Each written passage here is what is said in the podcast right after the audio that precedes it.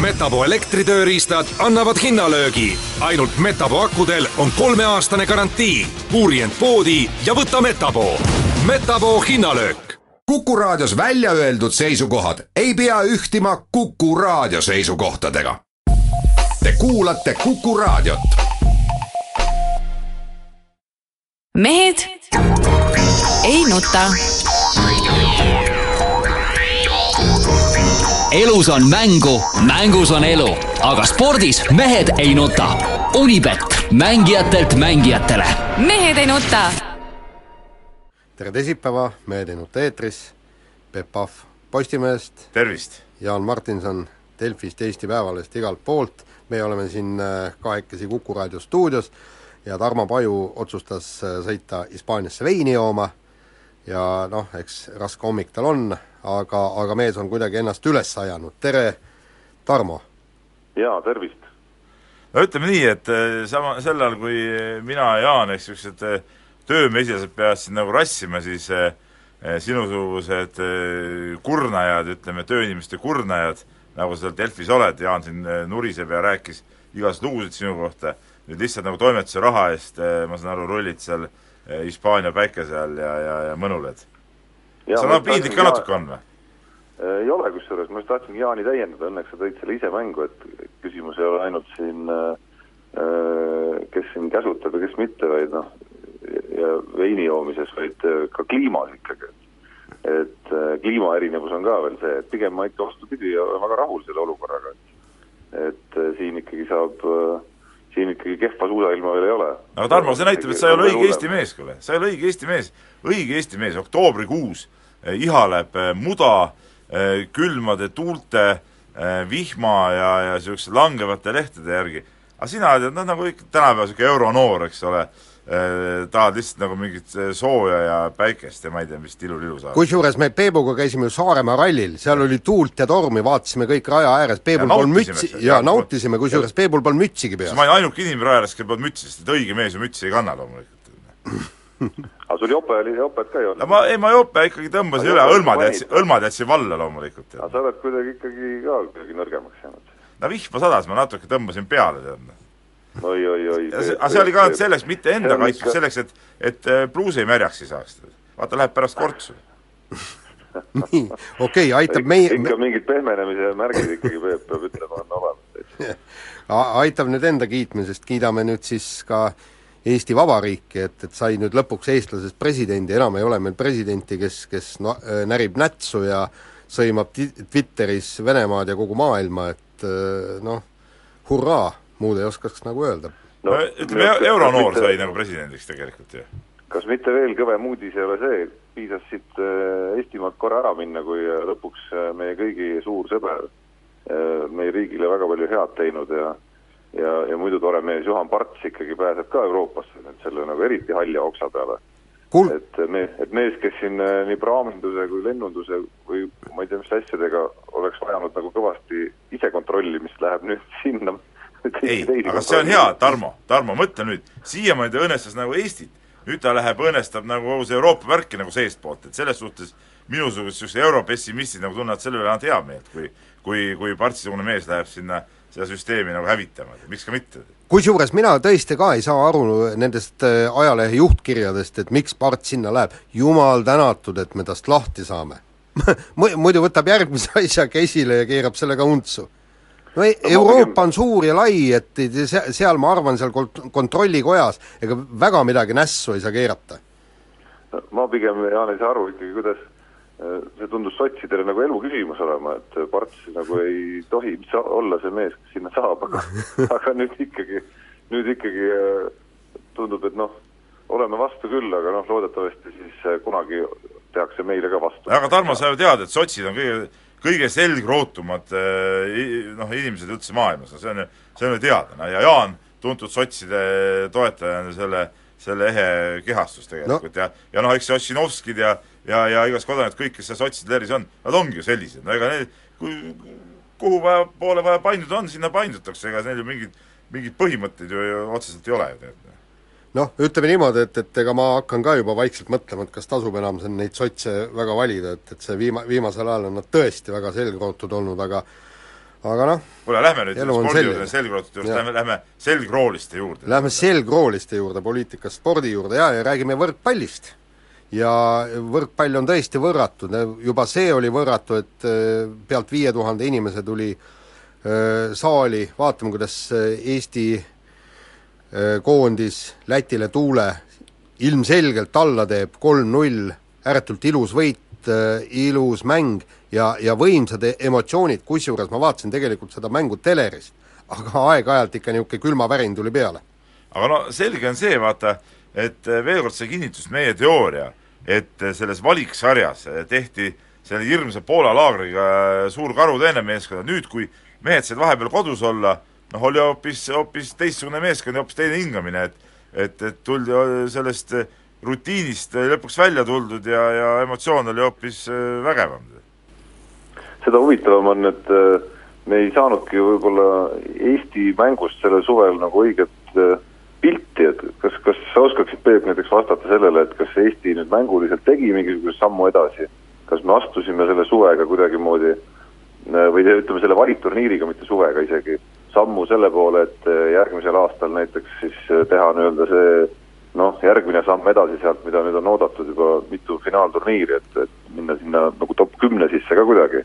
Et kuna see esimene pool sellest äh, valikturniirist, mida Eesti võõrsil mängis ja laagerdas, oli kõik ikkagi nagu nii heitlik ja alles äh, viimases mängus kodus me saime siis kuidagi nagu paisu tagant välja, siis ongi nagu raske öelda, mis see meie nagu noh, selline mänguline tase lõpuks oli siis sellel suvel. Absoluutselt nõ- valikturniiril ma ütlen õigesti pigem. jaa, absoluutselt nõus sinuga, sest et eh, seal need muud eh, tegurid, see vaimne, vaimne pool, vaimne väsimus ja nii edasi, et, et need eh, varjutasid ikkagi selle, selle mängulise osa paljuski ära, et et ainuke asi, mis annab nagu aimdust, et, et võib-olla tõesti on tegelikult samm edasi tehtud, ongi see, et eh, vaatamata ütleme, sellele vaimuprobleemidele suudeti ikkagi sellest raskest olukorrast välja tulla, et see, see juba näitab eh, üht koma teist, et, et kui oleks kehvema tasemega võistkond, oleks sinna sohku nagu täitsa ära vajunud ja, ja ära uppunud, aga aga Eesti meeskond seda ei teinud, et, et, et suudeti raskesest välja tulla ja see, see võib-olla on see, see, mis annab nagu lootust, et tõesti see samm on tegelikult ikkagi edasi tehtud. ja no muidugi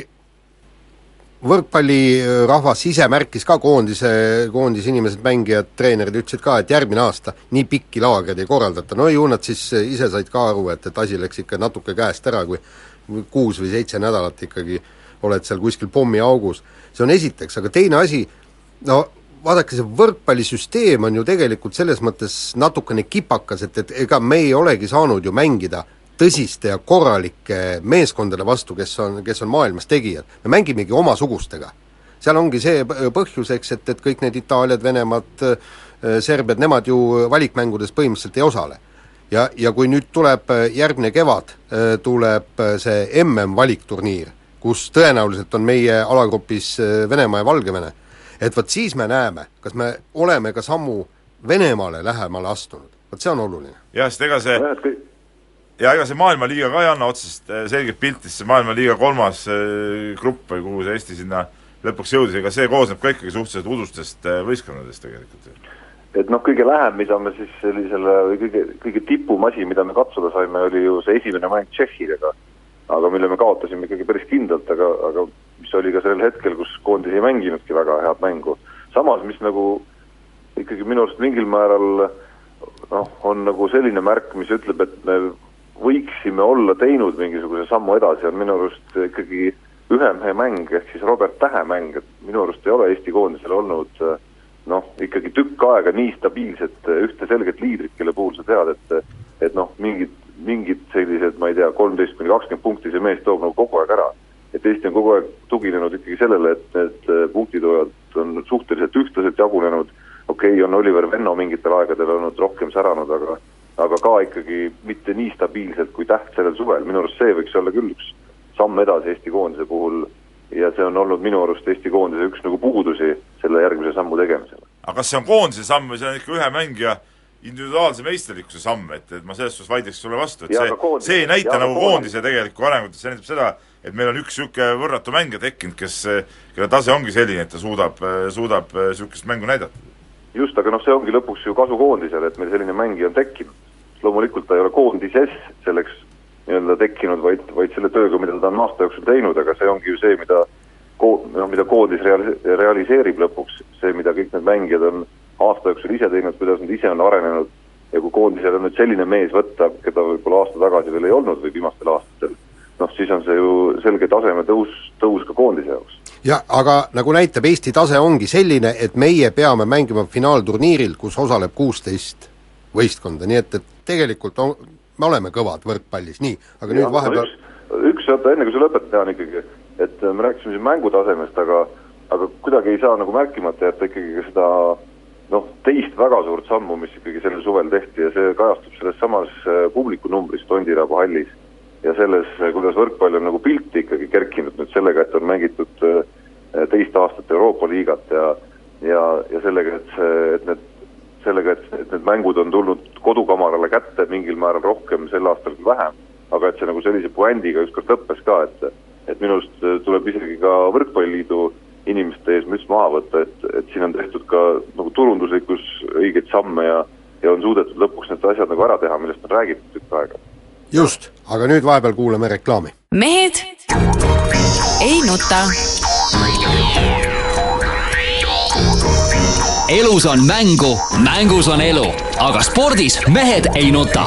Unibet, mängijatelt mängijatele. Mehed ei nuta. Reklaam kuulatud, jätkame saadet kiire vahemänguga. Ja alustuseks siis äh, räägime suusatamisest. Äh,, kuigi seal Hispaanias, kus Tarmo Paju on äh, äh, kehva suusailma ei esine, vähemalt praegu mitte. Aga ma. küsin vahele, Tarmo, sa üldse mäletad, mis asi suusatamine on, ütleme seal see päikse, päikse all rullides, et on, tead, mis spordialast jutt hakkab olema nüüd või? kuule, väga hästi tean, see on see, kus mäest alla sõidetakse, eks ole. no vot, tead sa ei siiski no euronoor on E- euronoor ei tea ikka, jah, ei ole, tegelikult- ei ole nagu õige, õige Eesti mees. põhimõtteliselt mäest on vaja üles sõita eelkõige, kõige, alla tuled ise. nii, Peep, kas sa mitte ei ole ka käinud päris tihti ikkagi mäesuusatamas Tallinnas? aga see ei ole õige suusatamine no. see on, see on nagu ütleme tihti, ma nüüd ka ei tahaks öelda, ma olen käinud küll jah, olen käinud küll, ma ei, ei salga, aga see on rohkem nagu niisugune nagu nagu puhkus lihtsalt, tead noh. vaata, kuna mul on äh, kehakaal on nii suur, siis ma saan lihtsalt mäest alla sõites hea tinna sisse, et see nagu ütleme, rahuldan oma kiirusvajadust sellega. nojah, kes meist, ma olen euro, ütleme parem olla euronoor kui eurovana, ma ütlen tõesti niimoodi. no nii, aga, aga räägimegi vanast asjast ja klassikasõidust ja, ja selleks, et et klassikaline tehnika säiliks ja kõiki, kõik rada ei läbitaks paaristõugetega, siis otsustas Rahvusvaheline Suusaliit äh, kärpida keppide pikkusi ja nüüd on uue reegli järgi siis äh, võivad äh, kepid olla kaheksakümmend kolm protsenti suusataja keha pikkusest. Aga totter on selles mõttes reegel, et kõik need, kes Tartu maratonile lähevad, nemad peavad ju ka FIS-i reeglite järgi käituma, nii et siis kallid suusahuvilised, saak pihku ja käppe saagima. no vot sa, Jaan, jälle keerad nagu vindi üle ja keeravad siin need, kes niisugust juttu räägivad, ega see ei olnud mõeldud mingite rahvamaratonide jaoks. Ei, ta ei olegi mõeldud, jah. mõeldud on see ikkagi nagu ju mingi MK sarjas eh, sõitjatele ja kes seal eh, mis see, mis see, mis see teine sari on, see See maratonkapp, ja maratonkapp ja kes ütleme seal ikka nagu seda punktide peale sõidavad, et nendele on see mõeldud, seda esiteks, teiseks muidugi tervikuna iseenesest see reegel on nagu, nagu, nagu totter natuke. et eh, kuigi ma olen nagu alati niisuguse nagu natuke nagu muutuste vastu olnud, siis siis ega midagi teha ei ole, minu arust see klassikaline suusastiil noh, kui tuli, leiutati see uisusamm, no midagi pole teha, no siis sõidame uisusammu kõik, noh. ei ole mõtet vägisi hoida ju aeglasemat äh, sõidustiili nagu elus, kui mis selle asja point nagu on, pointi nagu ei ole ju tegelikult. Peep, tegelikult pointi on, vähemalt suusatajad ise, nagu nad räägivad, eks, et see noortel eastel mõjub ainult uisku sõites ta-ta-ta, kõik ei kehvemini ja kõik, asja mõte, mis noortele oota, on lihastele, asja mõte on võimalikult kiiresti ja jõuda punktist A punkti B, ongi kõik. Peep, teine asi on see, et rahvasportlasi huvitab rohkem klassikatehnika, väidetavalt klassikavarustust müüakse rohkem ja, ja toodi näiteks nagu see Barcelona maraton, mis ei, alguses aga oli väga, keegi ei keela rahvasportlastel klassikat sõita ju. ei no jaa, aga öö, sellepärast on ka maailmakarikas, eks, et varustust müüdakse ta-ta-ta, kõik see on ikka paras äri, Tarmo, ütle sõna sekka. no ma lihtsalt ei suuda uskuda, mida ma kuulen siit äh, Hispaania maale Peebu suust, et äh, Peep, kes on nagu noh, ikkagi maailma üks traditsioonide esikõneleja, räägib nüüd täiesti rahulikult sellest, kuidas klassikaline sõidustiil tulekski nagu ära kaotada. ei no mitte ära kaotada, ei no palun väga, kui, kui ütleme ei no kuula nüüd, kuula nüüd, Tarmo. ilmselt räägid, et tipptasemel suusatamises võiks selle ära kaotada. ei, ma, ma ei öelnud, et ma ei ole rääkinud ärakaotamisest. palun, lähme starti, näiteks seal Jaan sõidab äh, uisku, sina sõidad klassikat ja mina sõidan seda, seda esialgset uisku, ehk üks jalg on suusajäljes ja, ja ühe jalaga lükkan kõrvale. nii nagu igaüks ise tahab, nii sõidab, no ongi kõik.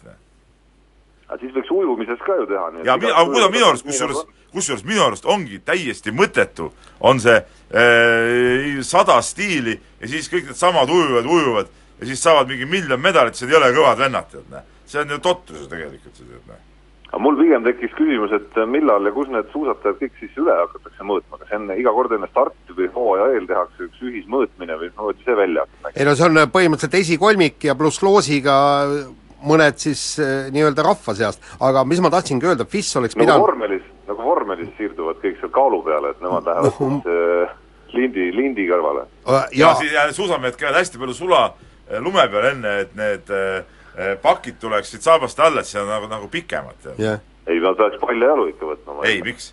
Nad tahavad olla pikemad ju. no nemad tahavad, aga kontrollijad ei taha ju. nii, aga lähme kiiresti edasi.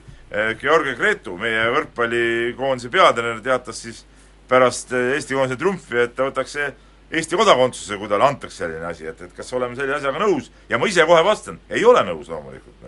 aga miks ei ole? sellepärast, et nii, punkt üks, kas ta elab Eestis, ei ela, kas ta oskab eesti keelt, ei oska, kõik, midagi rohkem pole rääkida. ei no kuule, aga kui, kui tal on töö kas ta on nõus kõikidest muudest kodakondsustest loobuma? me ei tea seda. Robert Täht, kas ta elab Eestis? ei ela, ta elab Poolas, tuleb järgmine kord maikuus tuleb Eestisse, no mis on, aga tema puhul on ka ei no Eesti, ega, ega ma tal Eesti kodakondsust ära ei võta siis. ei no aga tema ei taha ju Poola kodakondsust saada ju. ei no jaa, aga ega Gretu ka ju Poolas äh, käib ka samamoodi töö. miks ta peaks andma Eesti kodakondsuse lihtsalt niisama lambist? hea treener, tore mees. ei, mis see no aga ega, ega ta ju, ega ta nüüd päris tõsiselt ka vist ei taha seda siiski, kas ta nagu liiga tõsist numbrit sellest ühest eufoorilisest äh, lausest ei ütle seal hetkel, kus ta, ma arvan, oleks võinud kõigele, mis Eestiga seotud on, jah öelda ja, ja kahe käega veel kaasa no ma kujutan ette, et Rumeenia koda-, kodakondsusest ta loobuks hea meelega, aga Austria kodakondsusest ja pensionist ilmselt mitte, aga sellega on meil nüüd see saate osa läbi ja kuulame vahepeal uudiseid. mehed ei nuta. elus on mängu, mängus on elu, aga spordis mehed ei nuta. Unibet, mängijatelt mängijatele. mehed ei nuta. uudised kuulatud, Mehed ei nuta jätkub Peep Pahv, Jaan Martinson siin Kuku raadio stuudios ja Tarmo Paju siis äh, veniklaas peos Hispaanias parasjagu. oled sa kuuldel meil? jaa, loomulikult, loomulikult. loomulikult olen. okei okay,, ja Peep, kirjad? nii, kirjad, kirju on palju ja, ja võtame kohe Indreku kirja siin esimeseks, et tere mehed, et äh, märgib ära siis, et Kersti Kaljulaid on Eesti maratoniks edetabelis olnud üheteistkümnendal kohal kahe tuhande seitsmendal aastal ja kahekümne kolmandal kohal kaks tuhat kaheksa ja ta on jooksnud maratoni ajaga kolm tundi viiskümmend kaks minutit. ja siis küsib, et Peep, et kas see, eh, see fakt muudab eh, minu arvamust siis presidendi proua suhtes. et tegemist on täitsa spordiinimeste presidendiga, nüüd läheb Eesti spordis küll kõik ülesmäge. no ma ei usu, et nüüd tänu sellele, et, eh, et ta on kunagi jooksnud natuke maratoni, läheb kõik ülesmäge, et, et kindlasti see mu suhtumist ei, ei, ei muuda no võiks ju ikkagi no, tegelikult muuta, ta on ju mingil määral ikka. jah, ja tegelikult ta on ju ja ka spordi suhtes sõna võtnud ja, ja juba teatanud, et ta teab, kus on mureprobleemid, äkki aitab lahendada. jaa, seda ei, selles suhtes on muidugi, temal on, tal on kindlasti oma häid, häid külgi ja asju ja selle kohta ei ütle midagi, aga aga teades, et presidendil nagunii pole erilist jõudu neid eh, probleeme lahendada, nii et see ei ole nagu, nagu eriti, eriti tema teema. no presidendil on ainus jõud, mis tal on, on ju sõnajõud ja, ja noh, näojõud ehk siis oma kohalolekuga. et üks, üks selle näitamise moodus võiks nüüd kindlasti olla see, et me spordivõistlustel ka näeme ikkagi Eesti presidenti no vähemalt, ma ei tea, paar korda aastas, ütleme nii. see oleks, see oleks äh, tore, mina nägin äh, Toomas Hendrik Ilvest viimati Vancouveri olümpial seal Kristiine medalipeol jah, ja, ja kusjuures ta lõpuks intervjuusid kellelegi ei andnud ja pühkis sealt minema, paitas Kristiina lapsi ja, ja sellega pidu lõppeski. nii, nii, aga Ants kirjutab ja küsib, et Äh, luges siis artiklit, et äh, Kalev Cramol keelati Eurokapil mängimine, küll aga selgus, et Eesti kohtunikud äh, käivad seda sarja vilistamas, et kus on õiglus, et et klubil ei lasta mängida, aga kohtunikud võivad käia rahumeeli nii-öelda keelatud sarjas vilet puhumas. no jaa, aga see on ju see FIBA absurdsus, millest te olete siin kogu aeg ju rääkinud, või ei ole või? no ma tahaks näha, ma tahaks näha lõpuks siiski, et et kas seal tõesti siis nendele klubidele ka järgneb mingisugune sanktsioon või mitte, noh et esialgu mängivad ju klubid ka ähvardustest hoolimata täiesti rahulikult. Nad mängivad oma, mäng-, no see sari hakkab ju ülehomme või homme, homme, eks ole? jaa, absoluutselt, et no ma, ma ei ole miskipärast viimase kuu aja jooksul peale siis, peale Eesti, kus ühel hetkel Kalev Cramo osalemine oli õhus, et mujal ma ei ole väga nagu näinud kuskil enam mingeid lugusid sellest, kuidas hakatakse Hispaaniaid ja Leedusid Euroopa meistrivõistlustest maha võtma. no ja kadus ära ka see, vaata, leedukad ütlesid alguses, et eh, Ritas ja Panevesis, et nad, neid ei lasta Leedu meistrivõistlustel mängida, eks ole, kui nad seal osalevad, aga rahulikult on eh, kuus vooru mängitud ja mõlemad satsid mängivad, on teisel-kolmandal kohal praegu Leedu tsempionaadil. jah, no saab näha muidugi, aga noh, kuna see teema nii vaikne on, siis mul väga tundub küll sedamoodi, et sealt mingeid reaktsioone väga ei järgnegi, et võib-olla siin Eestis siis nii-öelda rabistati no, üle jälle? vabistati ikkagi üle selle asjaga. ja no täpselt, ma olen, olen sinuga, olen sinuga ühte meelt.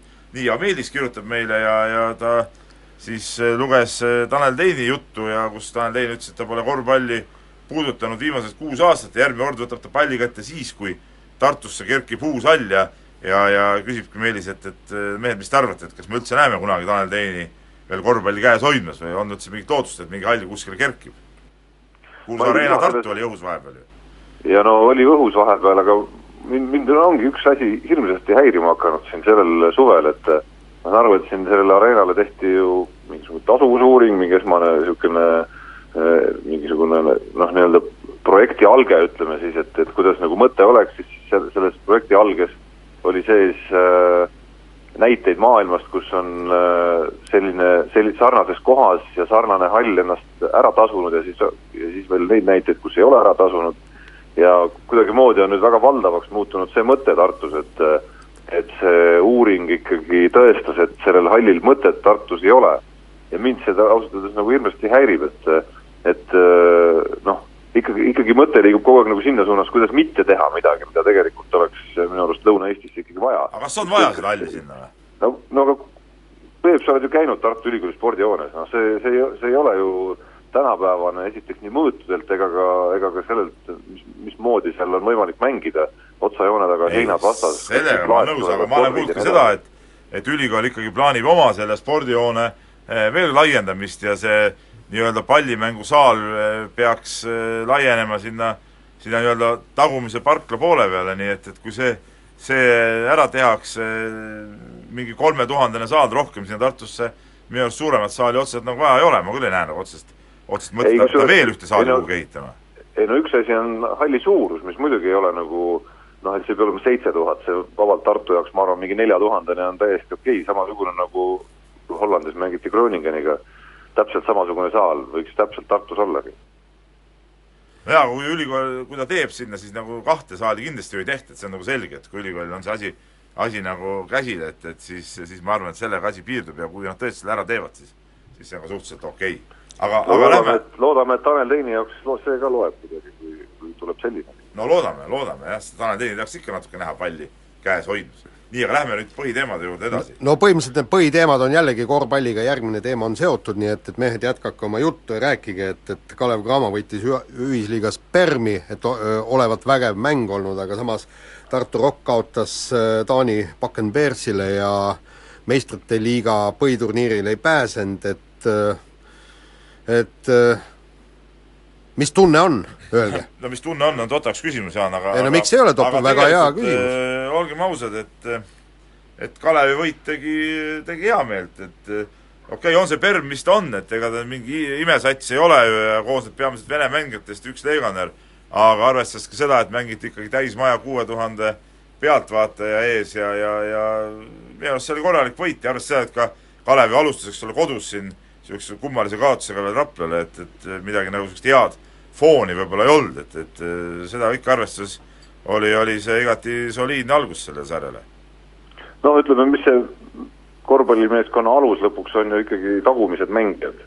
et positiivne selle mängu juures oligi minu arust see, et Kalevi tagumised selle mängu ju lõpuks ära tegid, et et kui sul tagaliinis on ikkagi individuaalset meisterlikkust piisavalt, mida vähemalt tolles kohtumises Haater ja Ljutitš ja Veidemann eh, demonstreerisid ja noh, vabalt võib ka Stendi Musoku sinna juurde panna mängujuhi koha peal, noh siis see annab ikkagi alust loota, et, et sel hooajal võiks Kalev noh, jõuda, jõuda tõesti korraliku tasemeni ja olla konkurentsivõimeline.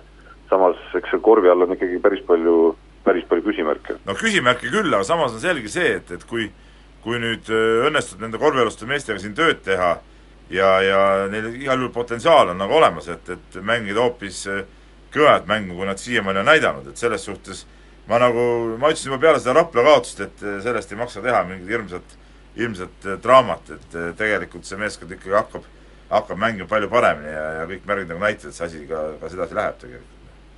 aga noh, sümpa-, see on kindlasti väga positiivne algus hooajal, et et eriti selles, nagu sa ütlesid, selles faasis, kus äh, kogu jutt keskendus ju tegelikult sellele, kui kui kiirelt on olnud vaja juba otsustavatele mängudele vastu minna ja, ja kui kehv meeskonna mäng ikkagi on ja kui kehvad seal mõned mehed võib-olla ka individuaalselt on ja vajavad veel päris kõvasti tööd, et et selles seisus saadi sealt miinus kolmeteistkümne pealt äh, Permis, kus Peep, sa oled vist isegi käinud olen käinud ja rohkem selle, korra. selles, just selles õhkkonnas äh, see võit kätte, noh, loomulikult ei tasu unustada, et et noh, ma arvan, et Perm pigem on ikkagi viimaste seas VTB liigas sellel hooajal, aga, aga ikkagi. aga ikkagi, aga mis sa puutub nüüd Rocki, siis noh, Rocki, Rocki pole olemas, eks ole, BC Tartu, ütleme siis korrektselt. no meie jaoks on rohkem. meie jaoks jääb ta ikka Rockiks kuidagi jah, või ma arvan, pikaks ajaks.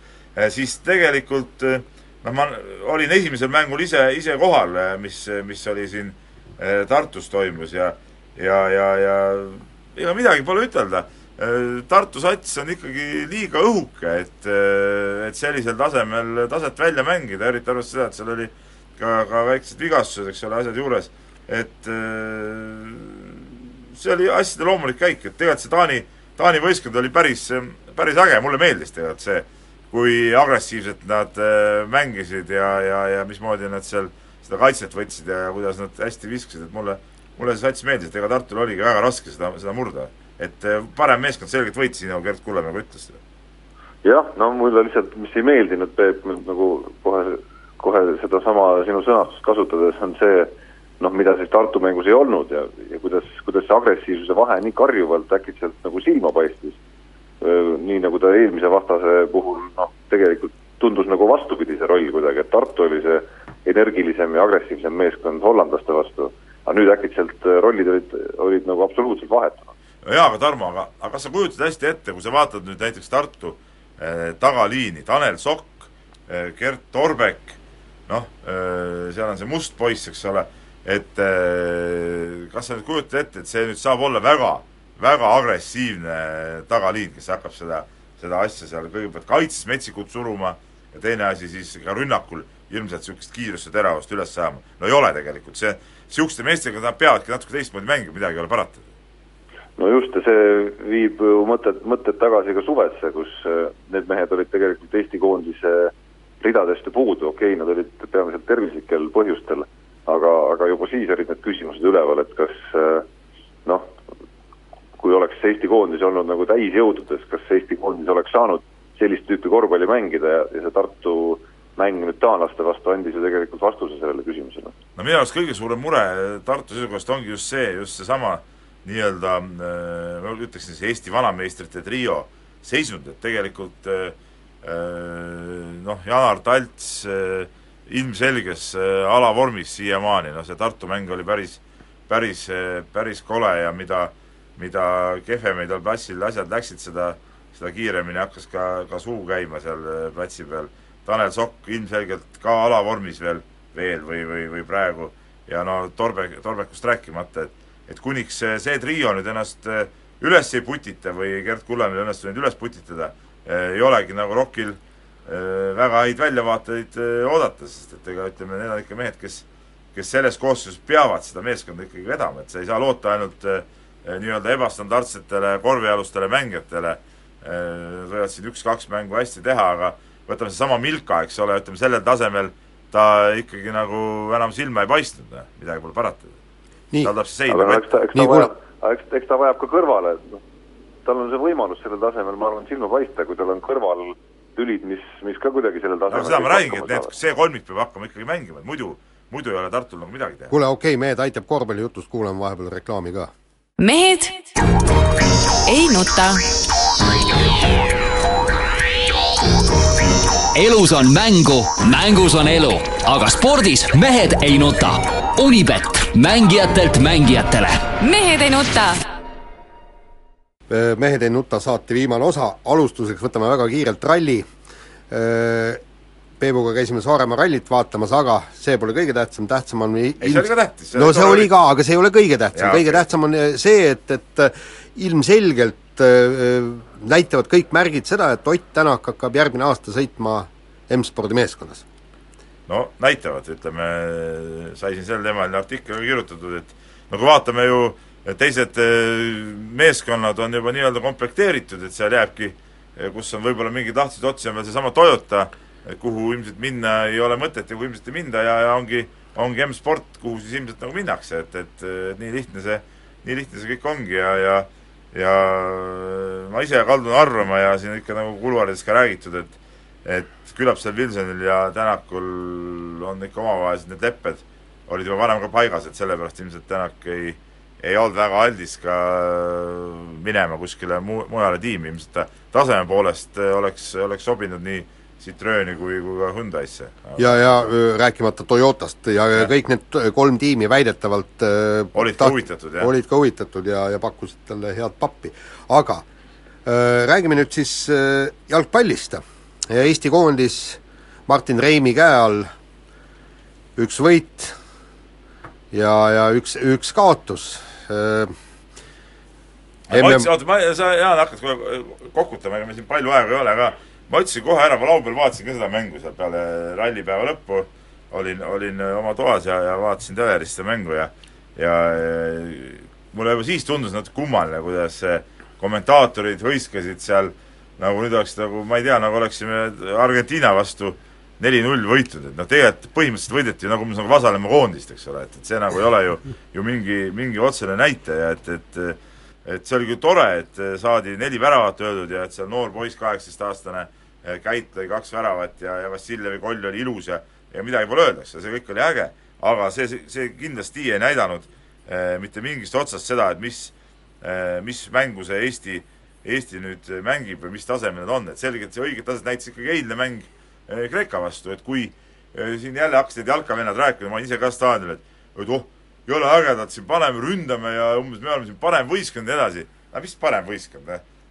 see nii-öelda siis kehvem võistkond lõi kaks ilusat kolli ja, ja, ja tappis, tappis mängu ära, no minu arust ei ole küsimust, kes seal parem võistkond oli, selge see, et Kreeka. Peep, kuule, pärast sildtreenerit muidugi Eesti Eesti koondis paistis tõesti kena välja. ei, see, ei, ma seda, selle vastu ma ei vaidle, loomulikult, loomulikult on näha, et Martin Reim hakkab seda võistkonda paremaks ajama, see, et, et see ründavam joonis, see kõik on äge ja ja nii lähebki, aga me ei saa öelda veel, et praegu et me olime eile paremad kui Kreeka, no see on ju jama ja, see, see on jama, aga seda ma nii, nii, ega nii nüüd nagu väga palju siiski ei öelda. ei no kuule, Tarmo, no sa seal, sa, sa seal oma eh, soojas mõnu, mõnulemises ei, ei, ei teadnud neid asju võib-olla, noh. Ei no võib-olla seal, võib-olla seal eufoorilised ajakirjanikud, aga noh, selle, seda no, sa ju tunned meie jalgpalliajakirjanikke küll. no absoluutselt, noh ma lugesin neid intervjuusid, mida meedia vahendusel oli võimalik lugeda ja ma Martin Reimi või Konstantin Vassiljevi suust selliseid sõnu ausalt öeldes ei lugenud küll kuskilt, et nad olid parem meeskond. No.. kui siis, kui siis äärmisel juhul seda, et nad ei olnud äh, halvem meeskond. No.. aga noh, seda skoor lõpuks näitab, aga noh, me oleme, Jaan, sa oled ise toonud seda näidet sildtreeneri ajastust väga palju, kuidas me vaatasime Riias Eesti mängu, oli see Sloveeniaga, jah? pärast mida, pärast mida siis äh, sildtreener teatas enesekindlalt, kuidas äh, kõik justkui oleks pidanud nägema, et Eesti oli tegelikult parem meeskond selles mängus ja ükski nagu noh, kõrvaline mulje või silmapaar seda ei tõestanud, et noh, nüüd on isegi statistika olemas, mis seda tõestab, kui vaadata pealelööke väravale kas või, et noh, selles mõttes on ju progress kindlasti toimunud. no põhimõtteliselt Eesti oli ju kõikides äh, statistilistes näitajates parem, vallati rohkem palli, tehti rohkem pealelööke, tehti rohkem pealelööke raamidesse, nii edasi, nii edasi, nii edasi, aga paraku on seis on null-kaks ja vot sellest mina küll aru ei saa, no kuidas me ei suuda neid palle äh, väravasse lüüa, eks see näitab ka, mikspärast meie jalgpallurid ei mängi tõesti tugevates liigades, tugevates klubides et, et no pole lihtsalt piisavalt. no jaa, aga olgem ausad, pealelöögid, pealelöögid, need tulid teisel poolel, esimesel poolel, kui ka nii-öelda oli seda survet ja küll, ega siis seal mingeid erilisi pealelööke ka ei olnud. tegelikult ju ju esimesel poolel äh, raamidesse, ma ei tea, kas üks löök läks või? üks läks, jah, jah ja. ja.. et, et midagi rohkemat, et see no., kõik see surve ja see kõik on, nii-öelda surve on tore ja, ja paljuski ka tänu sellele, et tegelikult Kreeka kaitse mängis üsna, üsna kobavalt ja nad väga palju eksisid seal nende pallide tagasilöömisel ja ja niimoodi, aga, aga seda kuskilt otsast ära ei suudetud kasutada, et minu arust see pigem näitas just seda Eesti, Eesti poole nõrkust. ja, no ja Kreeka on ju tuntud ka meeskonnana, kes ikkagi noh, ei ole niisugune eduseisus väga edasiründaja. jah, seda kindlasti, jah. ja aga, aga samas, samas me peame tõesti, see Mattias Käit oli tore poiss ja, ja tõesti, vähemalt ta, ta leidis need kaks võimalust, kuidas see värav lüüa, vähemalt äkki sealt tuleb meil mingisugune ründaja, sest no oota, Jaan, ei, Jaan, oota, ära, ära ei, hakka jälle oota, asju üle forsseerima, Peep, mis, tüüpiline, no Tarmo, aita mind, see on tüüpiline Jaani Ei. joga, eks ole, üks noor aga vend teeb mingi ühe, ühe suvalise eh, hea mängu, jah, ta on andekas poiss loomulikult, aga me ei saa selle ühe mängu põhjal, kus ta lõi mingi täiesti suvalisele mudasatsile kaks kolli, see ei ole veel näitaja, Jaan., Peep, siis on mingigi lootus on kogu selles äh, Lootus asjas, sellepärast meil et on see lootus ka, et Vassiljev lööb kolli ära. no jah, Vassiljev, aga nüüd lõi miskipärast väravaile pihku Ats Purje, no kuule, peaga sa oled, mis ta oli, neli-viis meetrit oli väravast, eks. aga see ongi ja. Eesti liiga meeste tase No- no, see ongi Nõmme Kalju ja nende vendade tase, kuule, nad löövadki niimoodi. Kuule, mäletad, Hoovi- Käit ei ole, Mattias Käit Jah., vähemalt kõik märgid näitavad, et Vesk ei ole Eesti liiga mees. ei, me rääkisime nüüd juba sellest eh, viimasest olukorrast. just, just, just, aga se-, selle, selles mõttes ei ole ju mõtet Jaanile ette heita seda lootust. jaa, ei no lootus küll, aga ei ole mõtet ka ühe mängu peale hakata kaheksateistaastasest mehest nüüd rääkima nagu, et see nüüd ongi, see ongi nagu meie see päästeingel, see asi päris nii lihtsalt ei käi täpselt no nii see ka- lootus põhineb ka, põhineb Peep ju ka ikkagi päris suuresti ka sellele, et kuidas tema noh, viimased aastad on ju klubi tasemel kulgenud, et noh, selles mõttes on alust ju uskuda küll vähemalt ja loota. nii, täpselt nii kaua, kui me väravaid lööma ei hakka, ei hakka me ka mänge võitma ja kuhugi edasi pääsema, sellega on meie saade lõppenud, kes naudib Hispaanias suve, kes naudib siin Eesti külma ilma, kuulake meid nädala pärast. mehed ei nuta.